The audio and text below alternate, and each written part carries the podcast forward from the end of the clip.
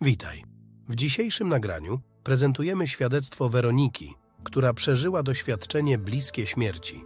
Oto jej relacja. Podzielę się moim doświadczeniem z pogranicza śmierci, starając się przedstawić je możliwie zwięźle. Latem 1995 roku w Connecticut, będąc sama w domu podczas pracy w ogrodzie, przypadkiem wsunęłam rękę do gniazda szerszeni. Jako osoba uczulona, szybko popadłam we wstrząs anafilaktyczny. Mimo to zdążyłam wezwać pogotowie, zanim stan wstrząsu całkowicie mnie obezwładnił. Leżąc w karetce, słyszałam dyskusję ratowników na temat powagi mojego stanu. Ostatnie słowa, które utkwiły mi w pamięci to nie mamy pulsu, jest na granicy. Każda kolejna dawka leków może ją zabić. Po tych słowach nastąpiła gorączkowa debata na temat dalszych działań, a potem wszystko zatraciło się w ciemności.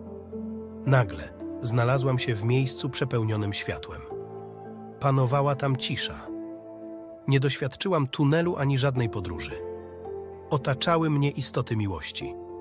W tym jedna przewodnia, której towarzyszyły inne istoty posiadające osobowość czy też duszę. Widziałam jedynie światło i mgliste kontury. Panowała tam wyłącznie miłość, dobroć, prawda i wszystko, co z miłością się wiąże. Nie było tam miejsca na strach, zło czy cokolwiek innego niż ta miłość. Było to coś znacznie wspanialszego niż jakiekolwiek moje najlepsze marzenia czy doświadczenia na ziemi. Coś więcej niż doskonałość i miłość, jaką znamy w ludzkim wymiarze. Brak mi słów, by to opisać. Czułam się tam niezwykle szczęśliwa. Wszystko działo się równocześnie, jakby czas stracił znaczenie. To był czas niepodobny do tego ziemskiego, mierzalnego. Byliśmy całkowicie pogrążeni w miłości i teraźniejszości, co czyniło każdą chwilę wyjątkową. Otaczało mnie światło tak intensywne, że przesłaniało ziemskie percepcje, a jednocześnie było niezwykle delikatne, jakby tkwiło w samym rdzeniu miłości, w istocie samego Boga. Boskość i inne duchowe postacie materializowały się w przejrzystych konturach bieli i światła, chociaż nie dostrzegałam żadnych konkretów. Wszystko było skupione na miłości i przekazywaniu duchowej wiedzy. Komunikacja odbywała się na poziomie, który przypominał telepatię pomiędzy mną, Bogiem, a innymi świętymi bytami. To, co przeżywałam, było wyraźnie mistyczne, nieziemskie. Odczuwałam emocje miłości i wdzięczności wobec Boga, które były niewyobrażalnie piękne i głębokie. Nie czułam strachu, co było zaskakujące, bo na ziemi często towarzyszyły mi obawy. Tutaj czułam się bezpieczna, kochana i zrozumiana jak nigdy przedtem. Ogarniała mnie euforia, lecz równocześnie spokój. Pragnęłam pozostać w tej miłości Bożej, zanurzona w niej na zawsze. Pokazano mi zbliżenie twarzy mojej córki, mówiąc, że będzie mnie potrzebować. Wtedy miałam 55 lat, a moja córka była na trzecim roku studiów.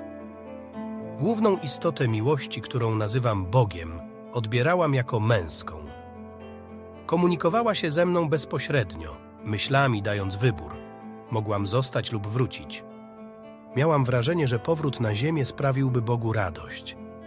Taka myśl wzbudziła we mnie pragnienie, by mu dogodzić. Ostrzegł mnie jednak, że powrót nie będzie łatwy i dał chwilę na przemyślenie decyzji. Gdy jednak podjęłam decyzję o powrocie, od razu obudziłam się w szpitalnym łóżku. Moje ciało było podłączone do aparatury dostarczającej tlen i leki. Byłam otoczona rurkami i urządzeniami. Lekarze wokół mnie wyglądali na zdumionych moim stanem i faktem, że odzyskałam przytomność. Po opuszczeniu szpitala przeszłam przez trudne chwile rozwodu. Wydaje mi się, że mój adwokat i sędzia zostali w jakiś sposób przekonani przez mojego byłego męża do podjęcia dla mnie niekorzystnych decyzji. Mój piękny dom został przejęty przez bank, a ja pogrążyłam się w długach, podczas gdy były mąż zatrzymał miliony. Z powodu wieku i braku doświadczenia w nauczaniu musiałam podjąć pracę w szkole w niebezpiecznej dzielnicy. Był to trudny czas. Po kolei następowały kolejne wydarzenia, które negatywnie wpływały na mój stan zdrowia i kondycję fizyczną. Po pięciu latach wyszłam ponownie za mąż. W tym czasie moja córka naprawdę mnie potrzebowała. Przechodziła przez trudną, zagrażającą życiu ciążę, która wymagała od niej całkowitego odpoczynku. Często krwawiła i musiała mierzyć się z innymi komplikacjami. Szanse dziecka na przeżycie były minimalne. Jej córeczka przyszła na świat miesiąc wcześniej, ale była zdrowa, piękna i już w wieku pięciu lat została uznana za wybitnie zdolną. Trudne chwile, potrzeba bycia przy córce i niezwykłe doświadczenie na granicy życia i śmierci zmieniły moje życie. Teraz jeszcze bardziej jestem świadoma błędów, które popełniłam i nadal popełniam. Dostrzegam, że te złe wybory nie są zgodne z miłością, którą poznałam od mojego niebiańskiego Boga. Uświadamiam sobie, aby dążyć do głębokiej więzi z Nim, starając się być w Nim lub z Nim w jedności. To doświadczenie uświadomiło mi, że miłość w swej najdoskonalszej formie, taka jaką daje Bóg, jest tym, co naprawdę się liczy. Nauczyłam się, że rozwój i służenie Bogu oraz sobie nawzajem to droga, którą powinniśmy podążać nieustannie. Mamy możliwość zgłębiania tej miłości, by stać się jej częścią i jednością z Bogiem, jeżeli tylko tego pragniemy. Wydaje się, że nasi bliscy mają szczególne znaczenie w naszym duchowym wzroście i podróży. Wszystkie stworzenia, natura, nasze ukochane zwierzęta, a nawet byty z innych wymiarów zdają się odgrywać ważną rolę. To odczucie jakby wsiąkało w moją duszę, a także świadomość, że w naszym ludzkim stanie jesteśmy zagubieni i w pewnym sensie prymitywni, ale jednocześnie wciąż kochani. Bóg pragnie, by wszyscy byli częścią Jego i Jego doskonałej miłości. To doświadczenie pozwoliło mi zrozumieć, że Bóg jest wyrazem doskonałej, dogłębnie pełnej, wysoko rozwiniętej miłości, będąc jednocześnie istotą z duszą i tożsamością.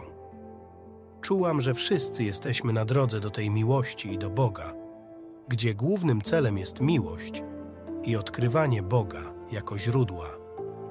Nie ma ludzkich słów ani doświadczeń, które mogłyby w pełni przekazać moje przeżycie bliskie śmierci. To frustrujące, gdyż pragnę się tym podzielić. Zawsze posiadałam pewne zdolności parapsychiczne, które wydają się być teraz wzmocnione. Na przykład, często wiedziałam, kto dzwoni, jeśli znałam już osobę dzwoniącą. Moje poczucie dobra i zła stało się bardziej wyostrzone. Byłam w stanie trzymać zdjęcie kogoś i odczuwać emocje tej osoby. Tak kończy się relacja Weroniki. Dziękuję za wysłuchanie i do następnego razu.